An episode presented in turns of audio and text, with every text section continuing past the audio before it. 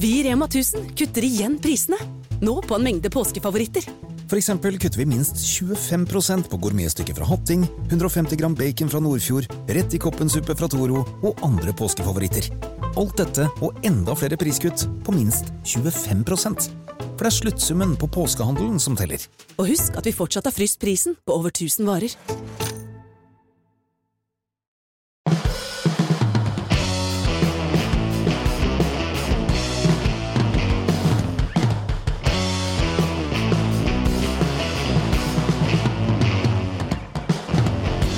Få ting kan irritere en del mennesker mer enn kunst, Petter. Det der kunne jeg gjort, er vel en ganske vanlig uttalelse når folk ser på kunst de ikke forstår.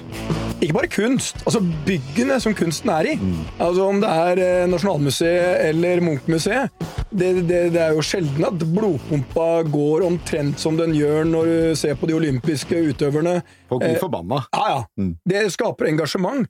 Og i dag skal vi prate om kunst. Du er jo en ganske stor kunstsamler.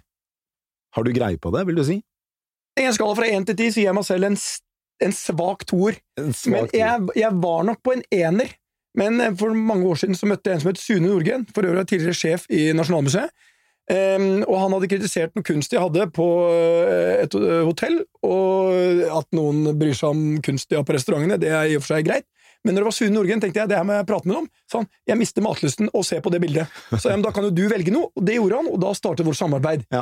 Så ba jeg han da se på min kunstsamling, og da sa han og jeg fryktet jo hva han skulle si, så sa han Petter, det er faktisk en del ting her, og da tenkte jeg selv blinde høner eh, finner korn, og det er der jeg er i min eh, sånn kunst. Men jeg bruker jo hotellene som, eh, kall det små museer, og The Thief er kanskje mest kjent, Mm. men alle hotellene våre har innslag av kunst, og det er kurert på en måte av Sune Nordgren, så jeg er, jeg vil si at jeg, men jeg, det gir meg stor glede. Det preger jo hotellene i veldig stor grad også. Når du kommer inn på The Hub eller The Thief eller andre hoteller, Absolutt. så er det jo det er en del av en større opplevelse, da. Jeg møter fortsatt uh, utlendinger som sier den uh, Richard Prince-hesten du har på The Thief, den husker de nesten mer enn hotellet. Mm. Men en annen ting er, jeg kjøpte jo eh, et kunstverk her eh, som jeg skulle ha hjemme av Sverre Wyler. Det var masse sånne metallgreier i blått, og fikk tredd det inn i huset. De fleste tenkte hva har han plassert der nå? Et, et svær liksom, eh, sak med skrap? Så tenkte jeg, åpenbart, eh, de som kommer hit, eh, skjønner ikke at dette er dritkult, så jeg valgte å plassere den utenfor hovedkontoret. Og reaksjonene var akkurat det samme. Hvorfor har han plassert skrap her? Men jeg, det, det er et eller annet i det som Jeg føler at det er en sånn kraft i det eh, stålgreiene der sånn. Så eh, jeg syns kunst er morsomt, selv om ikke jeg kan så mye om det. Men du kan jo en del om kunst, det har du jo ah, sagt til meg tidligere. Ja, jeg kan jo ikke en del om kunst, men jeg kan Du sa at du var ganske god på kunst akkurat Nei. for fem minutter siden. Nei, men jeg er veldig interessert i kunst. Det er jeg. Ja. Det er Men hvilken skala fra én til ti, hvor er du hen, liksom? i interesse. Ja. En øh, åtte, kanskje? Kan du introdusere de to som åpenbart ligger på 9-10? De er på 10 begge to, jeg, ja. så her, må, her gjelder det å ikke prøve å leke verdensmester i dette rommet. Vi har jo med oss eh, Karin Hinsmo, som er eh, direktør for eh, Nasjonalmuseet. Eh, du kan mye om kunst, Karin. Ja, det, det kan jeg, og det kan alle de fantastiske fagpersonene som vi har i Nasjonalmuseet, særlig særligt også. Ja, og så har vi Du er jo dansk kunsthistoriker. Jeg tror de fleste fikk med seg at du var dansk når du begynte å Jeg snakke vet, nå. vet selv om- jeg avslører meg selv hver gang. Selv om jeg har bodd i Norge øh, ti år, så har jeg det her danske hengende Ja. over meg. Ja, fordi det er ganske norsk, men likevel sånn dansk etterslep. ja, det, er sånn, det er sånn faktisk ingen av delene. Det er sånn hele tulle blandingsspråk, Ja. ja. egentlig. Øh, så det er mange, der siger, at uh, gud, vet du hva, jeg har vanligvis så vanskelig ved å skjønne dansk, men jeg skjønner jo alt du sier. Ja. Og så sier jeg, jamen, jeg snakker egentlig ikke dansk nå, altså. Nei. Og det er vi glade for, Petter og jeg. Uh, I tillegg så har vi deg, Cecilie Malm Brundtland. Du er jo kunstrådgiver. Er det det som er riktig betegnelse på deg? Ja, det vil jeg si. Absolutt. Kunstrådgiver og kunstelsker tror jeg også jeg må si at jeg er. Ja. Du er, fordi du er jo eh, Du og din mann Knut Brundtland eh, er jo begge kunstinteresserte, og har jo en av Norges største private kunstsamlinger. Det var veldig flott sagt, da, men vi har i hvert fall uh, i 40 år har vi faktisk samlet kunst sammen. Ja, ja. Så det har vært utrolig gøy, så det er klart at da blir det jo litt grann etter hvert. Mye henger på veggen, noe ligger under sengen, og noe er liksom delt ut til barna, men eh, engasjementet er der like stort. Så det, huset ditt er overmøblert av kunst? Ja, det tror jeg kanskje noen vil si. I hvert fall barna sier det. Å, herregud, kan dere ikke slappe av litt? Hva Men- er det med kunst som gjør at det kan bli nesten som en besettelse? Ja, du, det er et utrolig godt spørsmål, for det føles nesten som en slags sånn sykdom som aldri slipper taket, en slags sånn besettelse. Um, altså for meg så handler det om veldig mange ting. Det handler om det å ha pene ting rundt seg. Jeg er nok en estet. Syns det er veldig hyggelig å ha det pent rundt meg, og ha pene ting liksom på veggen. Men så syns jeg også, når det da på toppen gir en slags sånn følelse av innsikt, eller energi, eller et engasjement, eh, så er det eh, noe som er ekstra som gjør at dette virkelig Du aldri slipper tak i det. Og så treffer man utrolig mange spennende kunstnere, altså kunstnere, som jo er kjempegøy. Eh, Så det er jo også en intellektuell utfordring, og det liker jeg også. Jeg kan jo si at øh, kunst har jo en dokumentert helsefremmende effekt. Så der er jo kommet noen store undersøkelser som viser, at, øh, at det bidrar til vesentlig økt livskvalitet, og at det påvirker positivt både på fysisk og mental helse. Så det er nok mye mer, Men, øh, mye men, mer på men spil i vil du si med den debatten vi har hatt bare om skiltet på Munch-museet, tror du ikke at det er mange som omtrent får eh, problem med hjertet når de ser både bygget og det eh, Jeg liker bygget, men mm, altså, jeg syns det er kult. Men Petter, hjertet, ikke sant? Jamen livet, altså det har det jo vondt noen ganger, og det har det veldig godt noen ganger. Er det ikke bare det, der heter å Jo, jeg, jeg elsker det, men jeg, det, jeg bare ser for meg debatten vi har hatt om det. At det er mange der som har eh, omtrent fått litt problemer med blodpumpa si som følge av det vi gjør. Men er det ikke noen gang veldig, veldig bra, vi får kaffen litt lidt øh, galt i vrangstrupa, som man sier på norsk? Jo, men eh, det, det er Kommer jo vi oss ikke litt videre av det også? Hva, det, Hvis vi det, sitter der så fornøyd hele tiden, ikke sant? Veldig hyggelig, har det veldig bra. Kommer vi oss veldig mye videre? Men det med kunst er jo da som eh, Det kan bli en besettelse, og noe man er veldig, veldig opptatt av og bruker mye tid på, og, eh, eh, og det kan bli provoserende for mange. Hvorfor eh, er kunst så provoserende? Kultur generelt kan jo være veldig provoserende. Det er jo ikke alltid Nå er jo ikke bare kunst. Det er mange bøker der har provosert. Det er mange teaterstykker, der har provosert. Det er særskilt også musikk, der har provosert gjennom tidene. Så det er jo noe der ligger i kulturen. Noen ganger er det kanskje bevisst, men jo ikke alltid. Noen ganger så, så treffer man jo kanskje en, en, øh, en nerve i øh, tiden. Og øh, så er det jo en del av kulturen at, at man også diskuterer den løpende. Hva er det for noe? Hva er kunst for noe? Det utvider seg jo hele tiden. De, de som blir provosert, er det eh, Noen blir jo sikkert provosert av at man bruker mange milliarder kroner på et bygg i Oslo sentrum, hvor det, Det- skal det- henge masse det hender bilder jeg. som de ikke Ja. forstår seg på.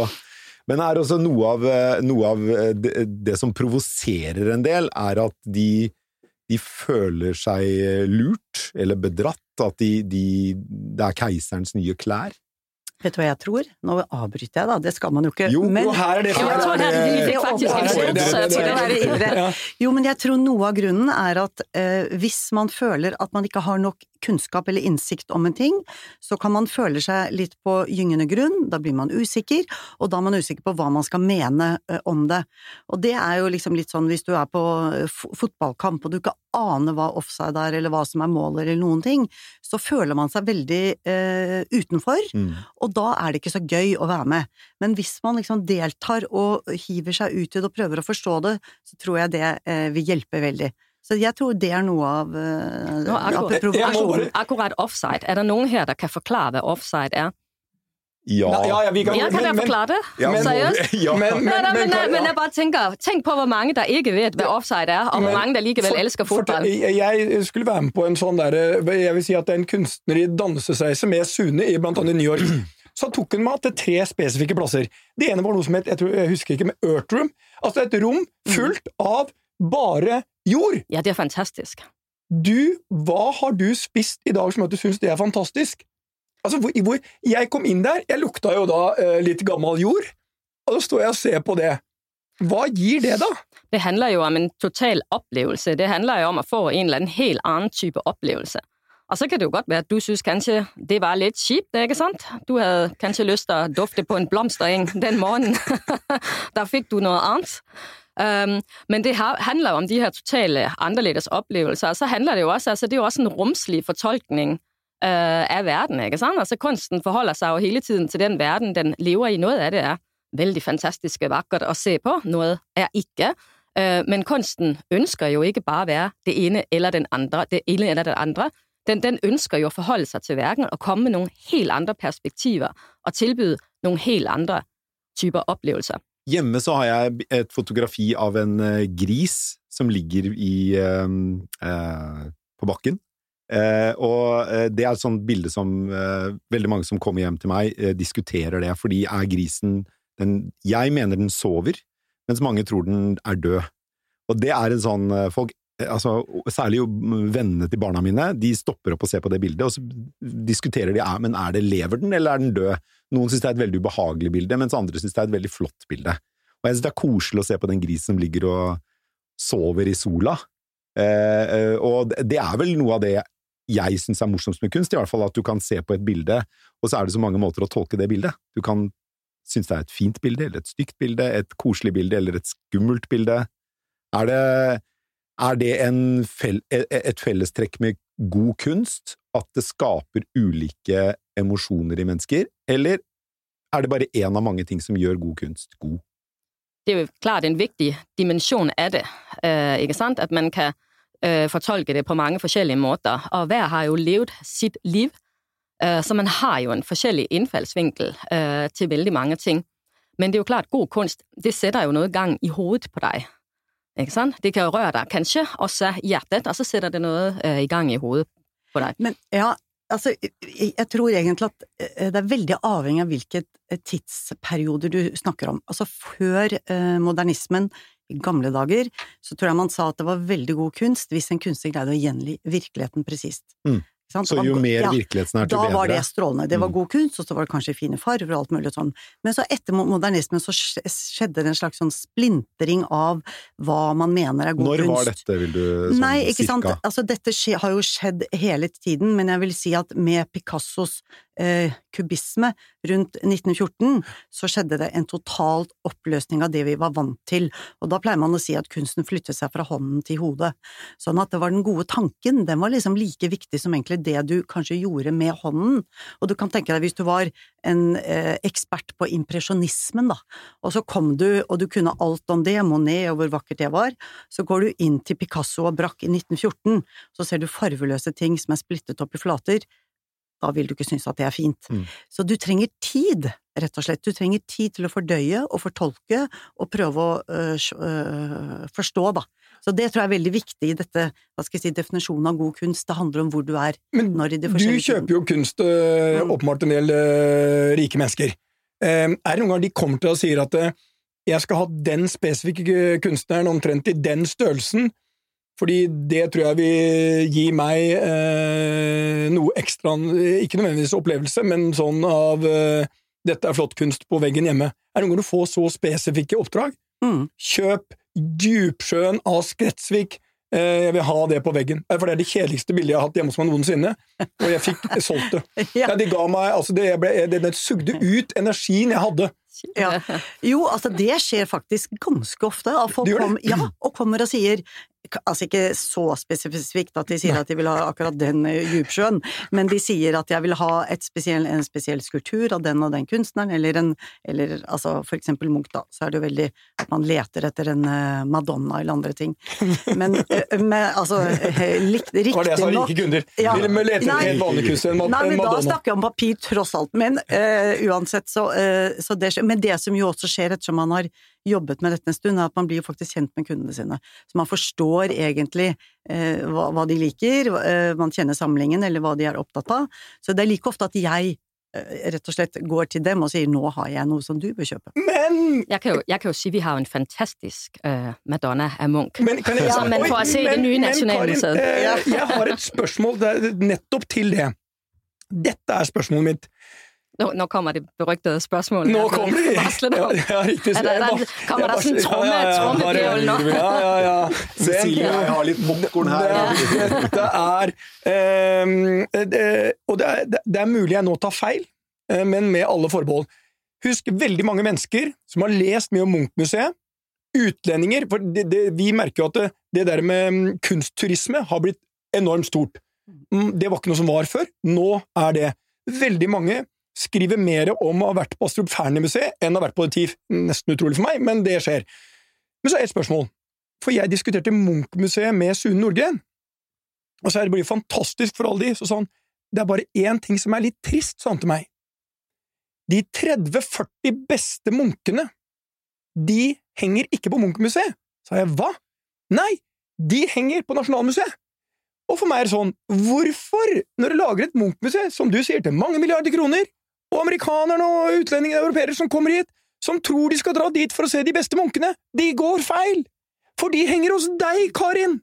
Fortell meg at én, det er feil, eller to, jeg flytter de, sånn at de har de beste munkene der nede. Hvor vanskelig er det? Altså, hadde vi drevet et hotell, så hadde vi flytta de der i 43 munkene hvis det var tilfellet. Nå vi jo, har vi jo to veldig ulike samlinger, så er det litt historikk bak. ikke sant? Altså Munch testamenterer jo sin samling til Oslo kommune, og Nasjonalmuseet har jo hatt en uh, pågående samlingsvirksomhet i veldig, veldig, veldig uh, mange år, uh, også før Munch levde. så det er jo to ulike samlinger, og det vi har i Nasjonalmuseet, det er jo for første gang at vi får presentert hele kunsthistorien, altså, som jo ikke bare omfatter visuell kunst, men jo også kunsthåndverk, design og arkitektur, og det er fra antikken og frem til i dag, under ett tak. Skulle vi ta Munch ut av den historien, synes du? Det synes jeg ikke. Men er det slik at de 30–40 beste munkene, oljene, henger hos dere? Altså, jeg vil si Det er tre fantastiske kunstsamlinger, øh, offentlige kunstsamlinger på Munch i Norge. Det ene, det er vårt. Jeg synes vi har noen fantastiske munker, det skal jeg ikke legge skyld på. Så har de en fantastisk samling på Munch-museet, og så er der ikke minst en fantastisk samling på Kode i Bergen av Munch. Det var, er mitt diplomatiske svar. ja, det var veldig diplomatisk. Men det Eh, mener jeg, det mener jeg. Det er faktisk viktig vi fordeler, fordeler dette litt. Men, men, men Cecilie, hvis du hadde vært sjef over all kunst i Norge, og du hadde brukt fem milliarder eller hva det nå koster på Munchmuseet, og du kunne bestemme alt, hadde du da flyttet disse fantastiske oljene sånn at når du kom til Munch-museet, så så du det beste han har produsert, det mest unike, hun sier, beste Madonnaen, den henger der. Nei, det tror jeg faktisk ikke jeg ville gjort. Hadde ikke gjort det? Så, nei, det var litt synd at jeg så- sa det. Jeg, Jeg vil si de har en ja. rett fantastisk Men- samling på Munch-museet. Har du vært der? Men det vil Prøv, prøv å gå og se det. Prøv å gå og se det. Altså, så og så Jeg se om du er enig i ja, det jeg er helt Jeg må jo stole på ekspertisen når Sune sier de beste munkene henger hos deg, Karin. Ja, men du vet hva? Det er, det Er du enig i det? Jeg er litt enig i det. Ja. Men eh, jeg, vil, jeg må nesten gi, gi han det, altså. Men det som er veldig interessant å si, er jo at smak eh, forandrer. Altså, det er ikke noe tvil om at vi snakker om smaksskift gjennom historien.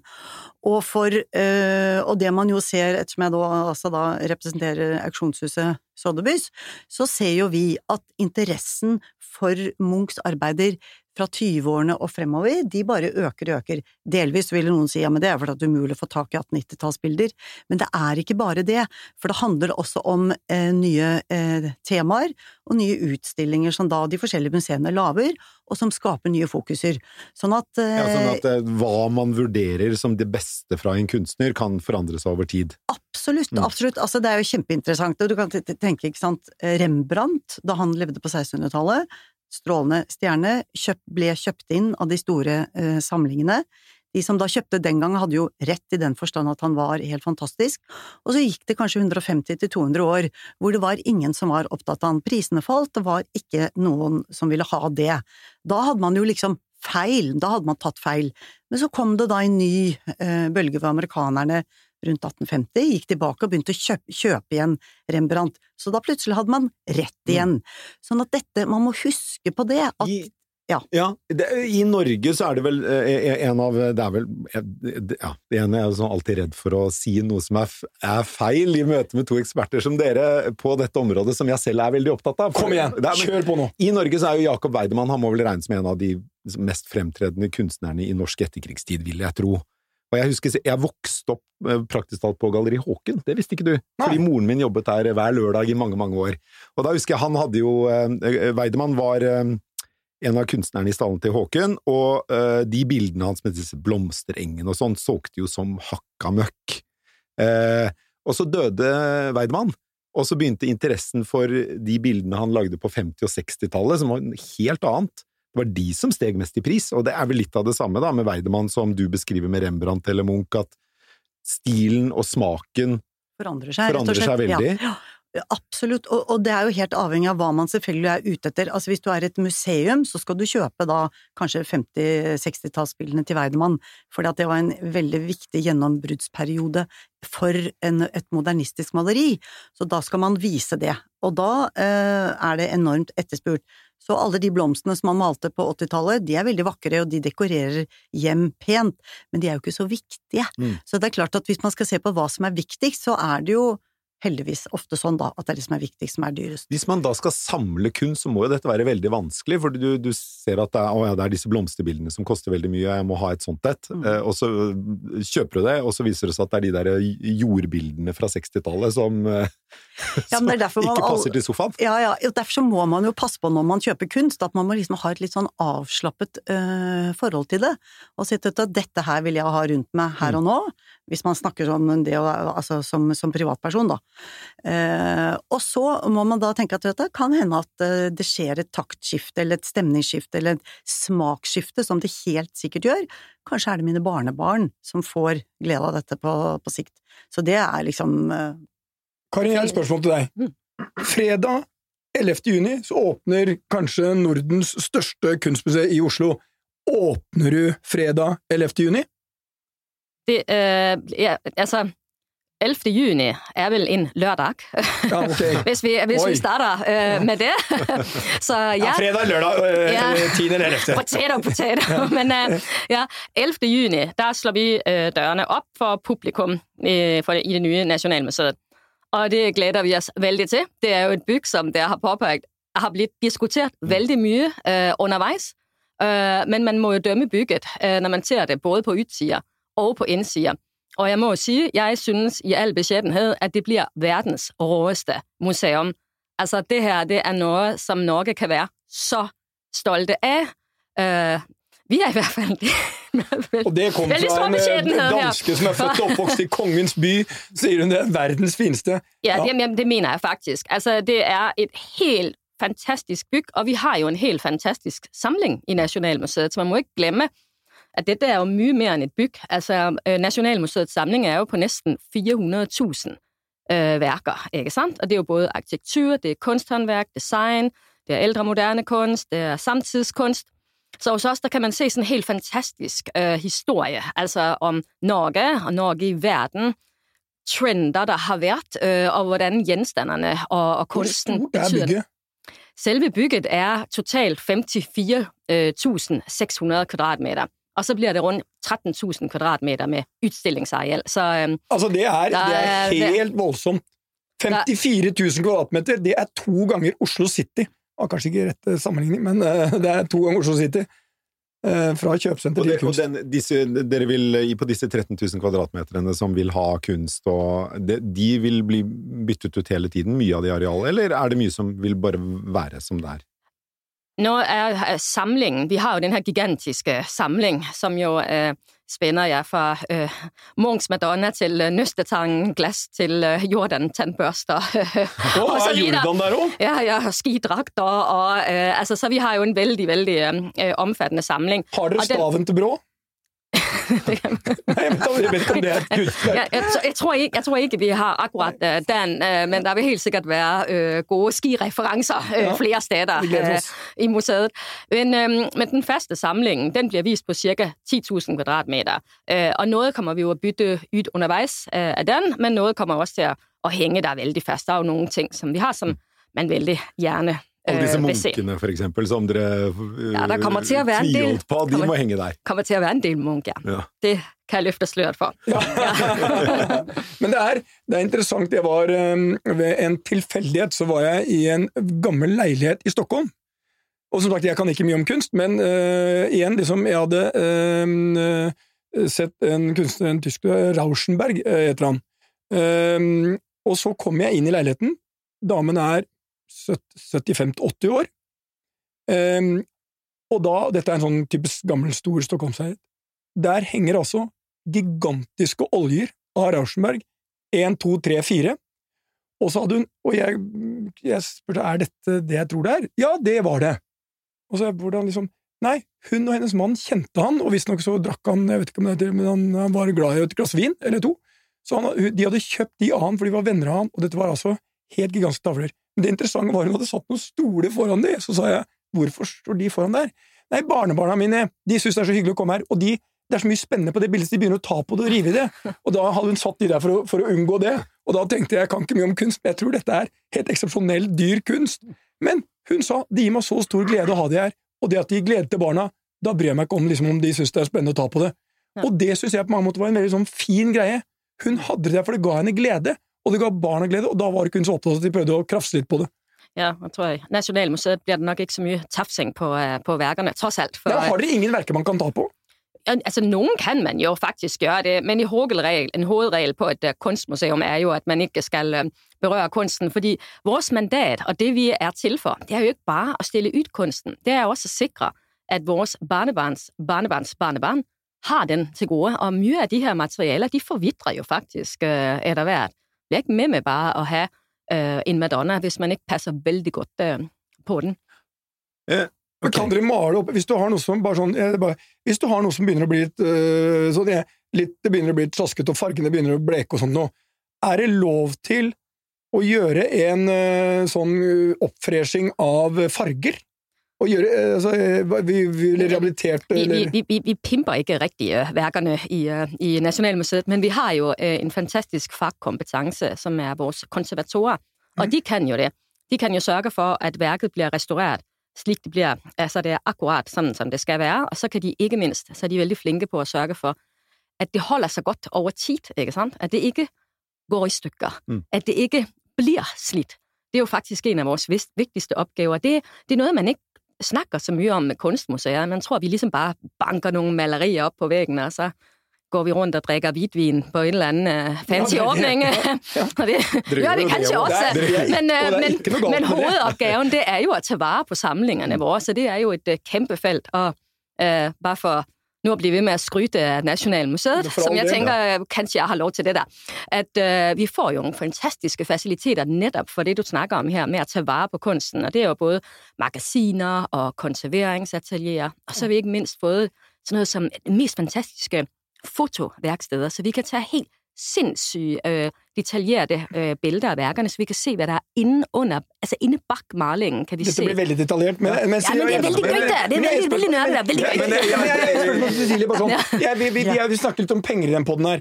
Eh, hva er det dyreste kunstverket eh, du selv har kjøpt, og hva er det dyreste som du har eh, på mange måter vært eh, innkjøpt inn, eller Ja, altså du kan si eh, som representant for Sotheby's så er det dyreste verket vi har vært med på å formidle, det var jo da i 2020 hvor Astrup Fearnley-museet solgte Francis Bacon sin eh, Tryptikon, som da gikk for uh, Kjøperne måtte betale 85 millioner dollar, det er vel omtrent 700 og ja, 800 millioner, Ja, nå, altså, Ja. noe sånt, og det var det dyreste verket som ble solgt på aksjon det året over hele verden.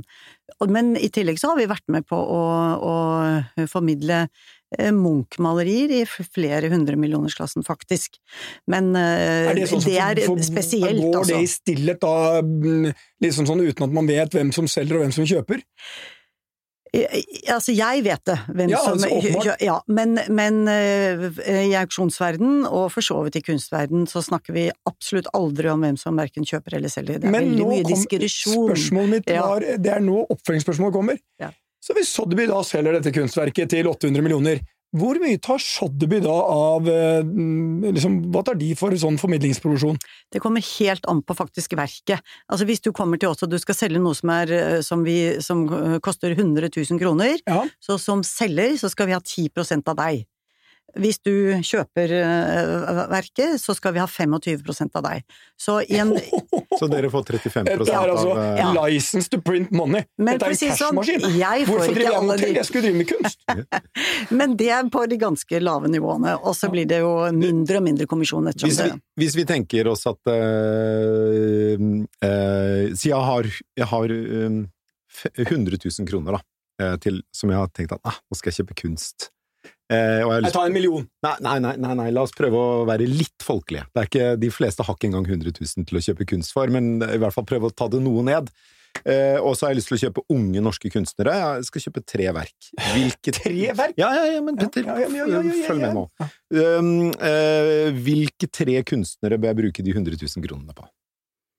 Eh, skal de være eh, Nei, altså da vil jeg si, hvis du skulle kjøpe tre unge eh, norske i dag Mm. Jeg synes det var litt vanskelig at de til sammen skal være verdt Ja, da, Så du må da- ganske tidlig Ja, i karrieren deres. Men ikke sant, da ville jeg sagt at da ville jeg gått og kjøpt Lito. Altså papirarbeider, for at de, da får du mer for, for ja, men jeg vil ha for- unge kunstnere, Ja, men det, Cecilie. det Ja. kan, de kan også lage eh, Ja. litografier.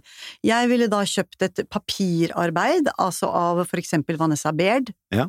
Så ville jeg kjøpt et eh, papirarbeid av Ida Ekblad. Ja. Og så ville jeg kjøpt et papirarbeid, nå skal vi se, av et eh, Fredrik Werslev. Men nå vet jeg Ja. ikke om han har laget så mange i, eh, i papir. Men en ung eh, fotograf, da, for eksempel.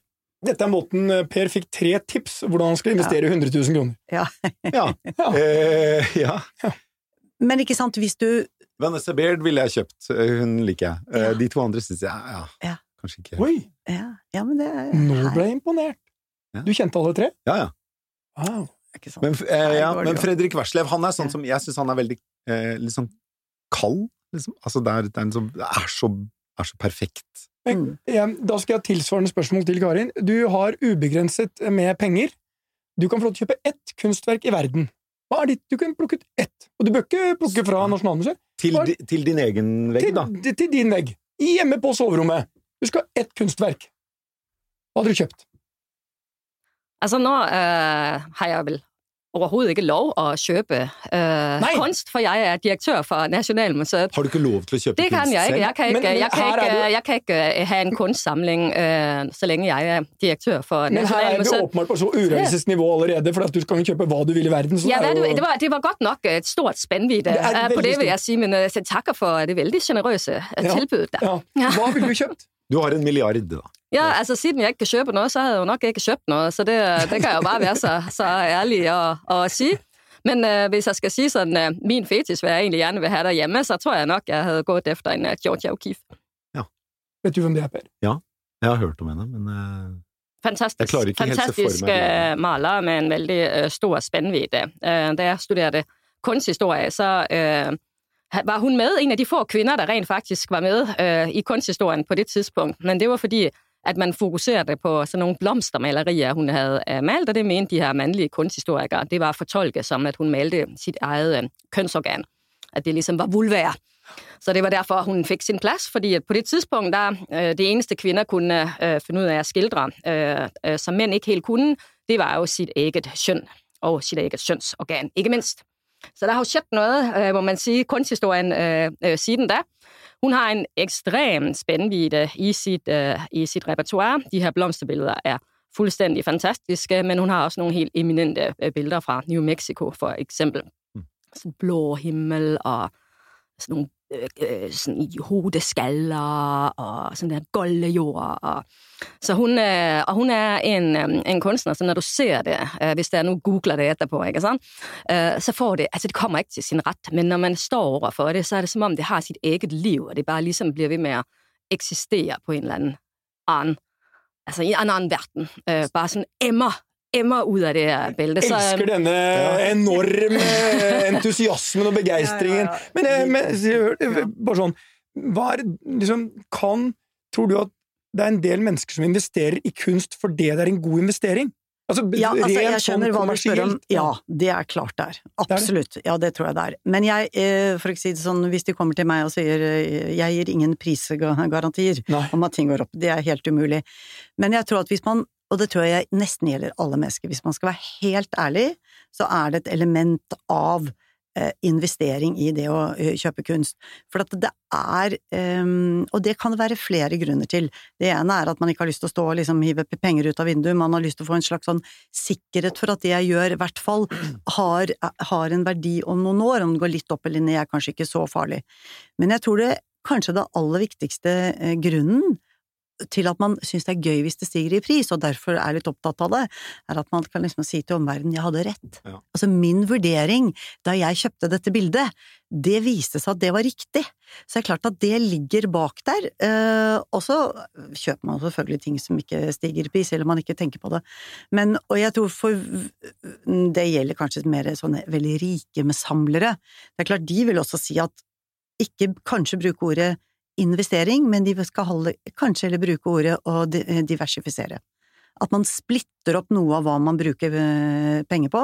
Man har kjøpt et hus, og så har man noen flere penger, og så vil man rett og slett splitte opp eh, risikoen, da. Du, vi, eh, vi Jeg må bare si en eh, litt sånn Vi åpnet et hotell i Stockholm som het At Six, og når det var i ferd med å ferdigstilles, så, så følte vi at resepsjonen, eller det området du kommer inn i, mangla en ting. Så kjøpte vi en gigantisk marmor, hvit marmor av Muplensa, Plensa, stor enn det er sånn. Så var jeg der for fire uker siden, og så er det noen spanjoler som står der foran denne og prater om det, og tar bilder av det, og jeg går bort og prater med dem, og de sier dette er Vi kommer til å bo på det hotellet hver gang vi er i Stockholm, fordi dette er vår altså åpenbart Yamu Plensa er fra Barcelona eller eh, spansk, åpenbart. Og de var altså så fascinert av det kunstverket, og det ga de så mye. Og da tenkte jeg, hva kunst kan gjøre med mennesker? Det var det viktigste for de, de følte liksom at dette er, dette er oss. Mm. Dette er liksom, de var, det var omtrent som de var stolt av en fotballspiller, så var de like stolt av en kunstner. Og det syns jeg er eh, fascinerende. Mm. Mm. Altså, det er ikke noe tvil om at kunst betyr mye for folk. Altså, jeg, jeg, jeg, ble introdusert til kunst egentlig av min bestemor, som var veldig opptatt av kunst. Eh, Hun kjøpte litt kunst, og hun kjøpte da blant annet Kai Fjell i 1937 på hans gjennombruddsutstilling på, eh, på, på Kunstnernes hus. Stort bilde. Det het Kvinne med to fioliner. Hun syntes at den tittelen var helt håpløs, for den dekket ikke det hun opplevde på bildene, som handlet om eh, i grunn selvmord, løsrivelse, veldig mye dramatikk, så hun døpte det om og kalte bildet for Selvmordersken. Dette elsker jeg. Ja, og så tok hun kontakt med, med da Kai Fjell og sa at den tittelen du har gitt er helt elendig, jeg kommer til å kalle det det, og så var han i grunnen helt enig, og nå i alle, alle kataloger så heter bildet Selvmordersken. Du tuller! Det er Nei, det er helt sant. Så Det- din bestemor ble jo en del av kunstverket. Ja. ble en del av kunstverket. Så det er jo egentlig eh, veldig fantastisk. Og det bildet eier jeg i dag, og det syns jeg er utrolig morsomt, den historien som da ligger. Så her snakker vi om at det virkelig betød noe for folk, da. Jeg har et kunstverk til en gang jeg husker kunstneren på, som betyr mest for meg, og det er en historie om kong Midas, som er der, og så er det et stort eple i gull. Det er ikke gull, da, det er et eller annet uh, malt gull. For det, det minner meg på hver gang jeg står opp og går ut og ser på det, at det som tar oss, det er grådigheten. Eh, og det er, bare, det, er bare, det er et eller annet ved det kunstverket. Kunstneren er helt ukjent, kunstverket er åpenbart helt ukjent, sikkert eh, ikke noe investering i det hele tatt. Det gir meg bare veldig mye, og det gir meg bare en liten sånn refleksjon, og jeg ser det hver morgen. Du vet at eh, romerske keisere, de hadde jo når de ble kjørt gjennom Roma, så hadde de folk bak seg som løp og ropte 'husk, du er dødelig'. Eh, men, eh, hva, hva, hva er det på latina? Memento Mori. Memento mori, ja. Memento mori, ja. Ja.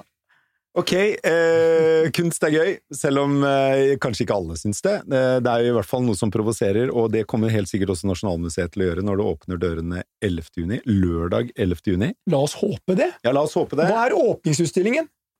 Vi har vår fantastiske samlingsutstilling, og så blir det øh, i denne her lyshallen som er jo 2.400 kvadratmeter stor øh, hall med øh, glassvegger. og syv meter til takket, så det blir et helt unikt rom. Der presenterer vi ikke mindre enn 147 norske samtidskunstnere. Er det Wow. de som ikke er kjøpt inn av dere? Det var jo opprinnelig faktisk øh, øh, tanken, en av tankene. Altså det var en, den første øh, kongstanken er, det skal være en kjærlighetserklæring til norsk samtidskunst. Man åpner bare et nytt nasjonalmuseum én gang. Det må være det rigtige fokus. Og så tenkte vi, nå har vi jobbet så mange år med å præsentere samlingen. Kanskje vi bør fokusere litt på, hvad vi har misset undervejs. Hvad vi ikke har i samlingen, ikke sant? Det har kanon. Ikke sant? Hvad er det, vi har overset? Vi er jo ikke ufeilbare, ufejlbare, vi. Øh, Så det har vært et øh, fokus også. Bra. Tusen takk skal dere ha, Karin Hinsbo i Nasjonalmuseet og Cecilie Malm Brundtland. Takk for det. Vi snakkes neste uke, Petter. Det gjør vi.